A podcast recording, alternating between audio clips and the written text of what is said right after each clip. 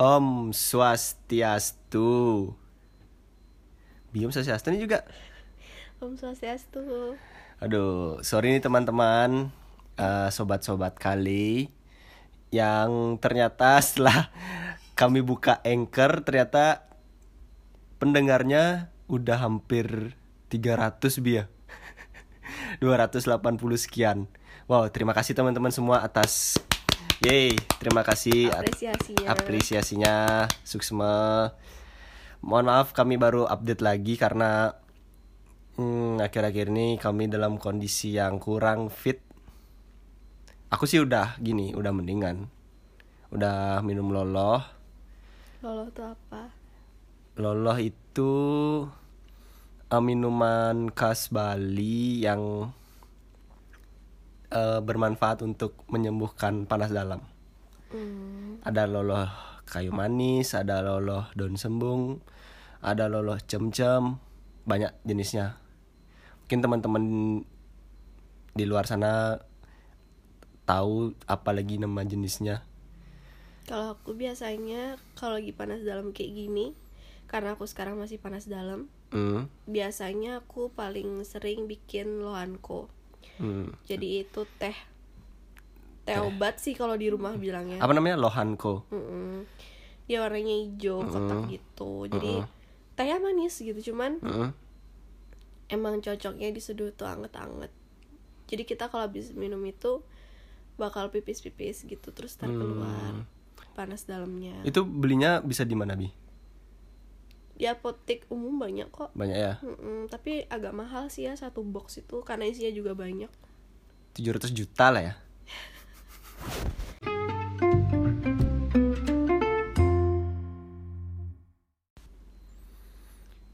Kayak selain ngejaga pola makan, makanan yang kita makan juga kita mesti olahraga nih, Bi. Olahraga.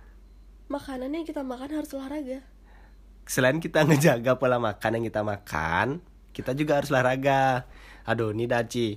Mbak minum lohanko ya lu. Maaf, maaf pusing-pusing. Aku dengernya gitu tadi. Masa ya? Hmm.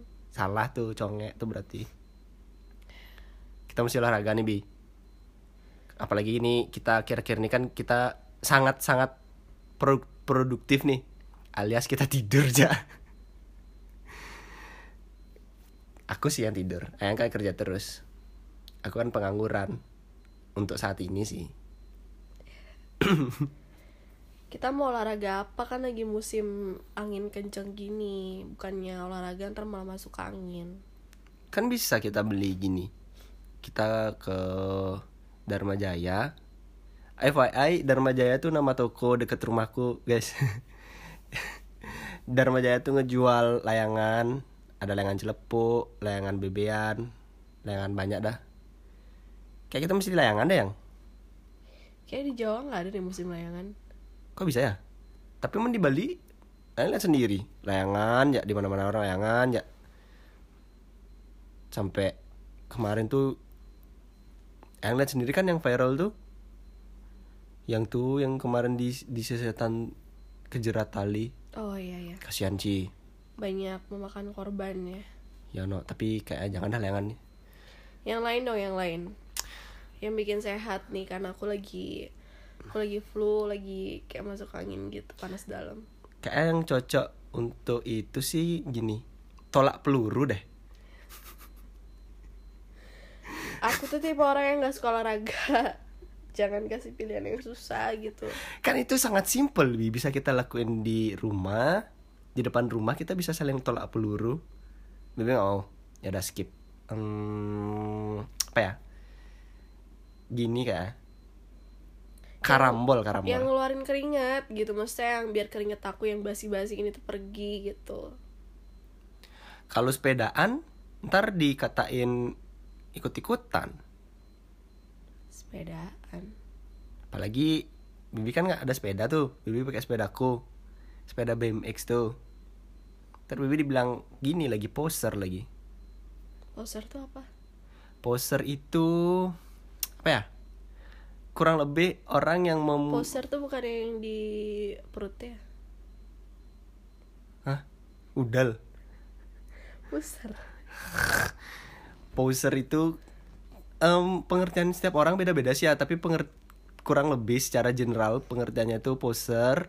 Misalkan nih eh, Bibi pakai baju RTM tapi Bibi nggak pernah dengerin RTM itu Bibi dengerinnya gini tayang. Dress code. Eh dress dress apa? Wedding dress. Dress code. Aduh, bukan K-popers banget deh. tuh poser. Menggunakan satu hal tapi dia nggak ngerti loh apa yang menjadi esensi dari yang dia gunakan itu. emang kalau aku pakai sepeda kan aku ngerti cara pakainya. Emang dibilang poster. Iya juga sih, tapi kan minimal minimal harus bisa ngetrik lah, Apa? Ngetrik. ngetrik, Ngetrik tuh gimana? ngetrik lompat gitu, Oh, bisa. bisa. Suruh Bisa jatuh. su- suruh gue dari depan rumah sampai depan gang ada udah ngeluh. Capek tahu olahraga. Aduh, yang lain dong. Apa kek? Catur lah catur catur. Aku kalau catur cuma tahu cara main kuda aja. Jalannya L. Karena lestari. Apa men? Apa kek yang lagi apa ya? Ya lagi ngehits gini gini gini. Ke Kintamani. Kan lagi ngehits tuh. Lagi rame ya Lagi saya. rame. Kayak aku Apa sih yang dicari di sana? apa yang saya cari ke sana jelas-jelas kita ada ke sana jangan sok-sokan gitu bi Ya makanya aku nanya apa yang kita cari di sana. kalau kita pribadi kan nih mencari gini Onar. ya aja kita kan mencari gini mencari maksudnya mencari satu Kitab. momen baru kitab enggak lah nyari gini nyari Tapi kenapa harus Kintamani? Iya ya, kenapa nggak taman pancing aja? Kan deket, dah deket, nggak dingin lagi loh. Balik-balik nggak masuk angin. Dapat ikan lagi ya. Matikan lagi. Jadi Kintamani itu eh apa sih? Satu wilayah Wilayah di dataran Di- tinggi uh-uh. di Kabupaten Bangli. yang lagi ngehits gitu ya. Ya dari kemarin-kemarin emang hits sih Bi, tapi kan Karena- mungkin karena sekarang orang-orang udah pada bosen mumet dengan segala alasan jadi mereka pengen cabut keluar. Tapi yang penting kita cabut-cabut keluar ke mana gitu. Yang penting kan kita menjaga kesehatan dalam artian kita juga bawa hand sanitizer, pakai masker, Jaga jarak. Heeh, biar nggak ya walaupun ada orang-orang nyinyir ya silahkan aja sih sebenarnya biar kita dari awal juga udah pergi-pergi cabut-cabut.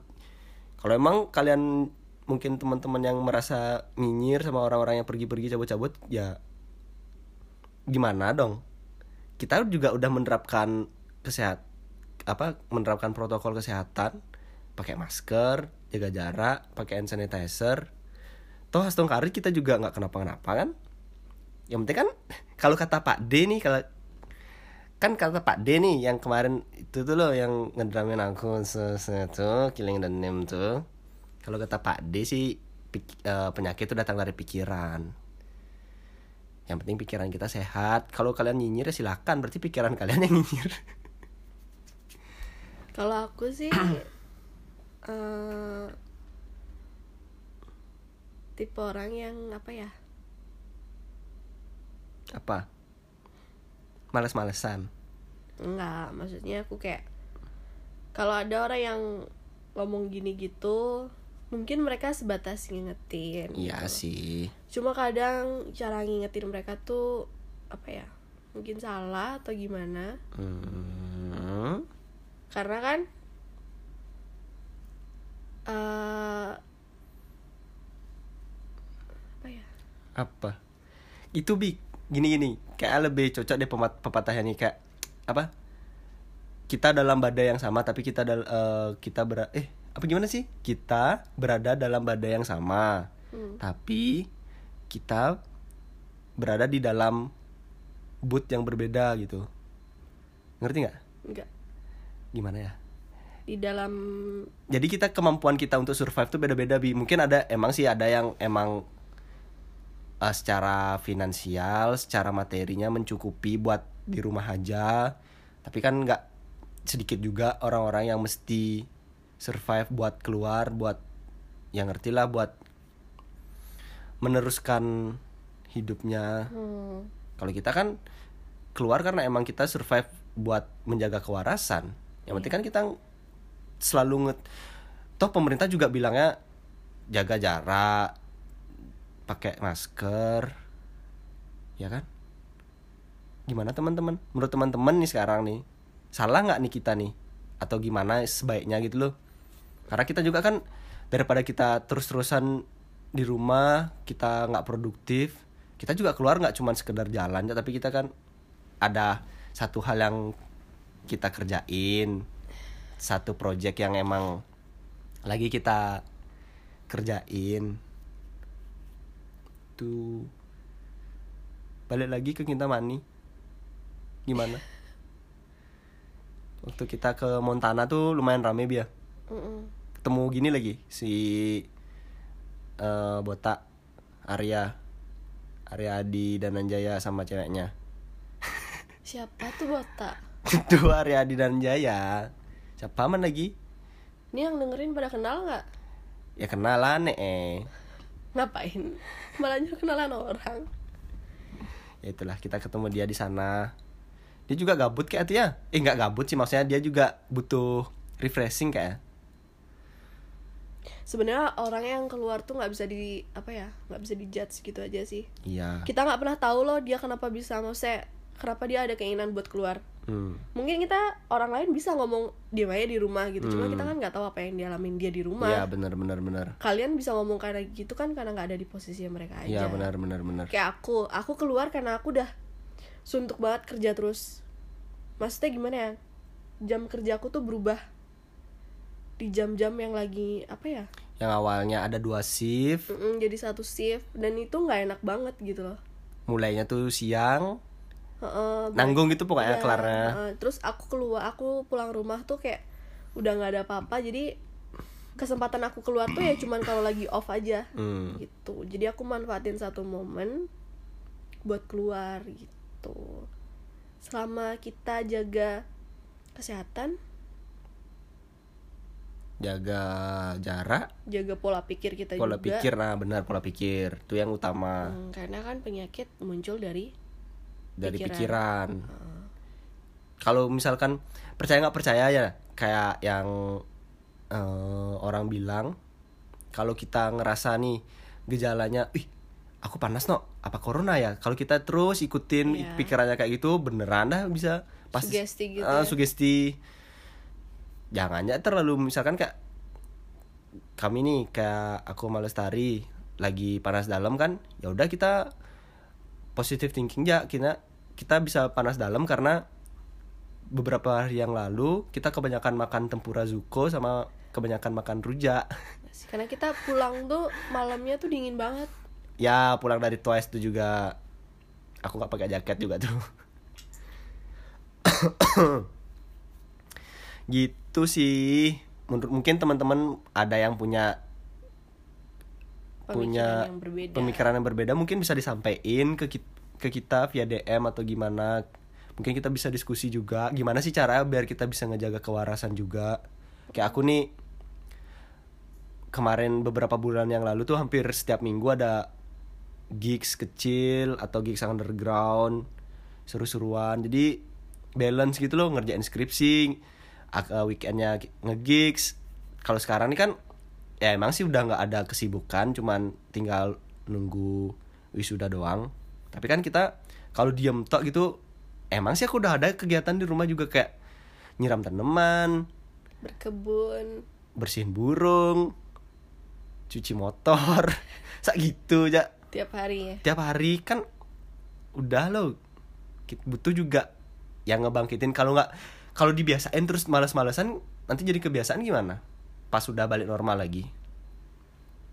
Dan emang kondisi finansial juga nggak memungkinkan buat diam di rumah aja loh. Mesti ada yang dikerjain buat dapat imbal baliknya. Tuh.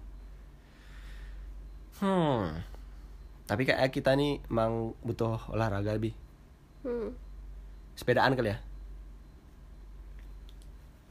Dulu boleh sepedaan. dulu aku pernah tuh bi waktu aku SMP aku kan naik sepeda tuh. Dari rumah ke sekolah berangkatnya. Dari rumahku sesetan Dukusari sekolah harapan. Siang-siang. Walaupun panas zaman dulu tuh zaman SMP kayak nggak kerasa nih. Setiap pagi juga eh apa setiap minggu pagi CFD Kernon. Hmm. emang sepeda sih yang paling universal kayak ya. Kalau Bibi sepedaan paling jauh ke mana? Kalau aku zaman pakai sepeda tuh dari SD sampai SMP. SMP kelas 3 tuh udah gengsi bawa sepeda. Wes. Gak keren gitu, harusnya bawa motor. Hmm. Jadi dulu di belakang SMP aku tuh ada rumah sakit. Di situ kita parkir sepeda motor. Emang diizinin sama pihak sekolah bawa motor? Ya enggak, makanya parkir di sana. Men kuncinya dibawa. Ya kita bawa lah. Kalau ada sidak-sidak gitu? Pas punya di pot. Hmm, standar lah ya. Hmm. Terus Nah, terus. terus kalau dulu aku sih emang sering sepedaan ya aku tuh dulu sering banget bolang padahal cewek-cewek nih Hmm. Dari rumah? dari rumah ke mangrove mangrove tuh jauh banget lumayan rumah aku di daerah Dari apa? Suramadu Hmm. dari Suramadu ke mangrove itu kalau naik motor aja Dua hari. Nggak nyampe sih itu ke mangrove apa ke NTB NTT Naik motornya bisa sampai 20 menit. lebih kali Dari sini sampai Nusa karena Dua itu ya? lewat mer mer itu jalan apa ya namanya ya Mer tuh bypass, bypass. ya kayak kayak gitu tapi lebih ramean dikit lah karena di Ah. kanan kirinya tuh Ah. banyak ruko, mall Ah, dan ah, sebagainya. ah. Mungkin kalau nggak salah nih ya, kalau nggak Ah. salah, Hmm. mungkin dari rumah ke ke mangrove tuh kalau naik motor kayaknya ada 30-40 menit deh. Lu jauh kali lo. Ada dari sini sampai Jimbaran tuh. Dari sesetan sampai Jimbaran. Kayaknya iya deh. Terus bayangin aku naik sepeda. Luar Pas itu- biasa. Luar biasa. Pas itu luar lagi biasa. bulan puasa, Luar biasa. siang-siang. Aku ber Motivasinya tuh apa tuh? karena emang suka sepedaan. Oh, terus terus. Yang namanya kita suka ya kita jalanin gitu loh. Oh iya, bet. Aku sama Vivi sama Ersa kalau nggak salah tuh. Bertiga tok. Iya. Kebetulan yang nggak puasa aku doang. Ah. Nah, Wow, Vivi sama sih. Ersa respect. Respect ciao, respect. Berat, respect berat. terus yang kedua itu biasa ke Bungkul. Ah, Taman Bungkul. Ya, itu juga jauh. Ih, sumpah jauh banget. Aku baru sekarang? Ngapain jauh-jauh gitu loh? Nggak nggak nggak keliling komplek gitu. Enggak kayak kayak dari Sasetan ke Renon gitu masih deket. Oh, Eh, jauh, jauh sih setan Renono. Dari aku dari ujung dari Surabaya apa sih Surabaya aku tuh kalau nggak salah Surabaya Timur ya Ih, Mana aku tahu, Bi. Aku belum pernah diajak ke sana. ya ntar terus ke Surabaya Pusat Nah. hampir mau ke daerah Wonokromo itu udah ih gila jauh banget mungkin kalau naik motor ada kayak 30 menit deh Lu jauh kali, Ci. nah terus terakhir aku pernah sepedaan daerah Kenjeran Hmm. jadi itu ada daerah apa sih kayak daerah perumahan elit gitu Hmm. di Kenjeran waktu itu sepedaan ke sana terus ada waktu itu perumahannya belum jadi full Hmm. jadi masih banyak lahan-lahan kosong terus ada lapangan Hmm. kita stop di sana Di lapangannya. ya kayak kita kayak Jogging. ah kita piknik gitu kita Oh. kayak main bola Ada cewek, dagang-dagangnya? enggak sih waktu itu sepi Oh, lapangan kosong itu berarti. Nggak kayak Renon yang ada dagang lumpia lah gitu. kecil. Kayak pego. lebih kecil. Cuma sekotak sepetak gitu doang. Tapi itu itu itu taman apa tanah kosong? Tanah kosong kayak itu nak? Iya tapi Eh, ada rumput hijaunya jadi kita nyebutnya taman. Oke. Gitu. Terus kita main bola di sana. Ya gitu deh pokoknya sepedaan. Udah berarti aku oh ya terus satu lagi sepedaan yang paling aku inget tuh waktu Hah? sama teman-teman SMA Hmm. waktu study tour ke Bali. Ah yang ayam bilang waktu itu. Karena tempatnya di Kintamani juga. Ya. Sumpah ya aku gak ngerti itu berapa kilometer tapi jauh banget. Tapi kan turun terus tapi ada Treknya. beberapa yang treknya tuh naik. Ya kan? Jadi apa ya tinggal eh, selurutan aja loh jadi ada yang nungguin gitu di belakang travel sama pickup Hmm, hmm, jadi hmm. kalau kita nyerah Hmm. ya tinggal lambaikan tangan aja gitu ntar Bibi nyerah tuh. enggak aku sampai akhir Wes. dengan sisa-sisa nafas terakhir kayaknya. Yang memotivasi sampai akhir tuh apa? ya karena seru Oh. karena sama temen jadi dijalanin Hmm, Nah, gitu. Eh, Kayak aku sepedaanku nggak ada yang seru sih gitu ya. Dukusari harapan. Eh paling paling ini ya Apa? mentok-mentok ini ya ke apa CFD Renon. ke mana sih itu Udah muter-muter. daerah Serangan. ya serangan serangan tuh apa jelasin dong Serangan itu jadi adalah satu pulau kecil di bagian selatan Bali. Masuknya masih Denpasar sih. Kita kalau ke Serangan tuh dari Sesetan keluar ke arah Sanggaran, habis itu ntar belok kiri ke bypass. Habis itu udah ke ke belok kanan ke Serangan. Jadi Serangan tuh dulunya Serangan itu sama Pulau Bali itu eh, dipisahkan oleh lautan. Tapi pada masa presiden kalau nggak salah, maaf kalau salah, pada masa presiden Soeharto kalau nggak salah, itu di Serangan direklamasi. Jadi kita kalau mau ke Serangan nggak perlu pakai boot atau perahu lagi. Jadi udah ada jalannya gitu. Nah jalan lurus tuh lumayan lebar kan. Sering juga dipakai buat latihan mobil, buat sepedaan, buat jogging. sama sih kayak di Surabaya tapi namanya kenjeran Hmm. kayak gitu deh di serang di serangan juga ada pura namanya pura sakenan jadi setiap hmm, aku setiap manis kuningan sembahyang sana waktu itu yang nggak bisa yang Bibi kerja tuh. Eh hmm. yang kerja tuh nggak bisa ikut kan? Ah tuh dah. Kenjeran juga ada pura Oh ya? pura segara oh. Kayak sebelas sebelas sih tempatnya. Mirip ya? Iya Ci. Ntar mau yang sana. Hmm. terus waktu di Kintamani tuh Bibi sempat gini. Berhenti berhenti sempat sih karena yang namanya study tour SMA kan kita dapat stop stop ke beberapa tempat gitu kan. Hmm. ke tempat luak hmm. kopi. Hmm. terus biar dapat susu tuh guide-nya. Iya. Terus? Terus di warung gitu karena istirahat. Gini metik jeruk nggak? Enggak. ya. Le- lewat sih ke tempat yang kebun-kebun jeruk gitu? Kebun gitu cuman nggak nggak stop di sana. Hmm. di terakhir di pemberhentian terakhir tuh di tempat makan. Habis makan. Pasti ada lauk kerupuk ya? Ya terus rafting lanjut. Aku nggak rafting.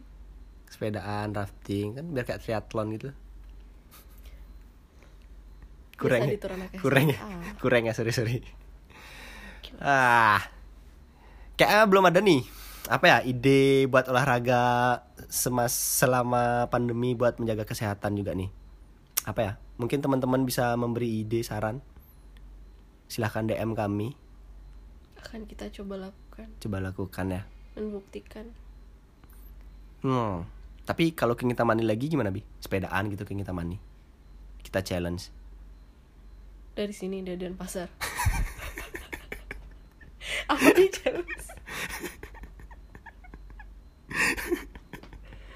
Mau nggak berhadiah nih? Ready apa Iya, adalah pokoknya. tapi sekarang kita mani lagi rame-rame banget Iya ya. Kemarin aku lihat eh, lihat story temanku yang rumahnya di Kintamani. Yang lewat ya, geng motor, geng mobil, geng eh, sepeda, geng lari. Oh, pokoknya semua ngarah Kintamani. Kayak memang Kintamani lagi respect lagi banyak gininya. Tapi kan sempet juga diusirin, eh gak diusirin sih maksudnya ditertibin sama Pak polisi oh ya karena rame-rame eh, eh. karena yang di bawah di mereka foto-foto tuh lebih. Jadi ada naik motor konvoy. Terus mungkin karena terlalu rame jadi pak polisi membubarkan secara kekeluargaan. Biar nggak terlalu bergerombol gitu. Sebenarnya konvoy itu nggak masalah ya. Cuman kalau aku sendiri zamannya waktu aku shift pagi dulu kerja Hmm, hmm. ke Jimbaran tuh kan banyak anak-anak yang konvoy. Pagi-pagi? Ya Sabtu Minggu gitu. Hah ngapain pagi-pagi konvoy? San Mori. Oh San Mori, sorry sorry sorry nggak ngerti no, nggak ngerti. Kanggo ini motor beat ya soalnya. ya terus kayak aku sebagai pengguna motor biasa tuh kadang agak-agak takut gitu loh tiap mereka lewat. Karena mereka tuh bakal langsung ngeklakson Hmm. bikin kita otomatis kaget dan minggir gitu. Nah, nah nih, ini nih fenomena juga nih. Fenomena nggak nyebut merek sih ya, tapi motor-motor yang motor metik yang bentuknya rada gede gitu. Fenomena nih, yang knalpotnya diganti ngebrong, terus eh, lampunya kelap kelip. Pokoknya dimodif-modif segala macam deh, aku nggak ngerti itu karena emang seleranya beliau-beliau seperti itu. Tapi kenapa ya? Em, makin ke sini pengguna motor tersebut pengguna merek motor tersebut semakin arogan. Menurut Bibi kenapa? Karena mereka merasa motornya gede gitu atau merasa motornya mahal jadi mereka berhak sombong gitu? Karena aku nggak ngerti nih, mungkin Bibi mengerti gitu sebagai pengamat otomotif. mungkin gini sih ya dilihat dari jalur jalannya ya Hmm. kayaknya yang mungkin mendukung motor itu kayak gitu ngerti gak sih mungkin motornya emang didesain apa ya didesain cocok buat jalan-jalan yang kayak gitu ngerti nggak? Di Kintamani itu kan jalan-jalan daerah pegunungan ya? Tapi bi, nah balik lagi nih ke Kintamani kan. Kita pasti teman-teman semua udah hampir semua nih ngelihat sama nonton yang video yang viral tuh, yang di Kintamani yang motovlogger yang ngebut sampai kecelakaan. Sekarang coba kita logika aja, itu kan jalan umum sempit, terus marka jalannya tuh lurus gitu loh, yang artinya kita nggak bisa mendahului segala macam. Tapi kok ya aku juga ngerti sih apa motivasinya juga. Bisa sampai segitunya loh. Kasihan kan? Maksudnya itu jalan umum. Oke lah hobi. Hobi kami mahal. Oke bos. Siap hobinya mahal. Tapi coba di balik lagi introspeksi. Aku juga nggak belum tentu bener ya karena aku nggak ngerti juga gimana masalah selera juga. Tapi itu kan jalan umum. Yang di mana ke kepentingannya untuk umum. Kalau emang mau dalam tanda kutip ngetes atau apalah itu mungkin kan ada loh tracknya sendiri atau tempatnya sendiri itu sih yang jadi fenomena zaman sekarang. Kasihan sih isi korbannya. Ya ya ibunya tuh sampai apalagi jadi di ceritanya di videonya itu si pengendara tuh eh, apa sih karena jalan jalannya tuh agak jalan di belok Kintamani itu gitu. kan belok-belok belok-belok jadi kayak kesannya kayak di sirkuit. Terus naik turun naik turun. Hmm. jalannya juga baru dia habis diaspal jadi rata nah mungkin ini pihak yang konvoy ini karena ngelihat jalan yang sepi terus rata pingin tuh nyoba mungkin kecepatan naikin kecepatan. Nah di tikungan gitu dari arah berlawanan ada ibu-ibu ibu-ibu yang menurut beberapa sumber kita baca itu ibu-ibunya. Mau jualan. "Ah, ah, mau jualan. Ya tidak terhindarkan sih kecelakaannya karena dari yang pihak pengendara motor gede ini mengambil haluan terlalu lebar. Mungkin teman-teman silahkan hobi bebas hobi mahal hobi murah. Silakan. Kita juga nggak pernah ngelarang ya kita juga nggak mau dilarang apa hobi kita hobi kita juga belum tentu benar Iya, tapi kan kita bisalah ngebedain yang mana kepentingan umum, kepentingan sendiri. Kalau emang itu masih jalan atau fasilitas umum ya, setidaknya sama saling mengerti loh. Ya usahlah terlalu arogan. Kalau emang hobinya mahal, punya uang banyak kan bisalah nyewa sirkuit kayak sekalian gitu atau bikin kayak sirkuit. kalau aku sih gimana ya hmm, di satu sisi Gimana? si ibunya ini kan nggak pakai apa-apa ya Ya si ibunya juga nggak pakai helm. kita nggak kita nggak bisa benerin satu pihak ataupun nyalain satu pihak Iya sih, juga Mm, benar. ibunya juga nggak make safety. Ya nggak pakai helm atau nggak pakai baju yang memang ya mungkin kalau kalau mau pembelaan ya karena itu orang sana gitu. Ya jadi kan- dia bakal pakai pakaian yang ya sih. sesimpel mungkin gitu cuman Hmm. at least kalau misalkan ibunya mungkin make peralatan yang lengkap yang lebih sehat atau selamat kan resiko dia terkena luka itu kan lebih kecil. Lebih minim. Soalnya aku lihat di videonya tuh kasihan dia sampai berdoa gitu kan. Ya sampai teriak-teriak tapi udah dipaksa bangun. Ya si pengendaranya juga nyuruh bangunnya agak-agak gimana gitu kan. Hmm. orang lagi habis jatuh kok maksa kayak gitu. Ya masih kaget lo trauma. Ya intinya sama-sama introspeksi lah. Iya. Itu nanti aku juga melestari mau introspeksi dulu nih hobi apa yang cocok ya buat kita berdua selain tidur. Sama tolak peluru lah. Oke lah teman-teman. Sukses semuanya. Mohon maaf suara kami rada bengek. Mungkin untuk episode kali ini cukup sekian. Jaga kesehatan jaga kebersihan. Kalau habis dari luar segera langsung mandi di jalan juga jaga keselamatan satu sama lain. Hati-hati di jalan. Eh, saling menghargai sama pengguna kendaraan bermotor. Intinya semua pasti berakhir kok. Virus nih pasti berakhir kita juga pasti bakal hidup di era yang lebih baik. Oke sekian. Saya Karisma. Saya lestari. Pamit undur diri. Bye. Om Santi Santi Santi Om, Santi, Om. Santi.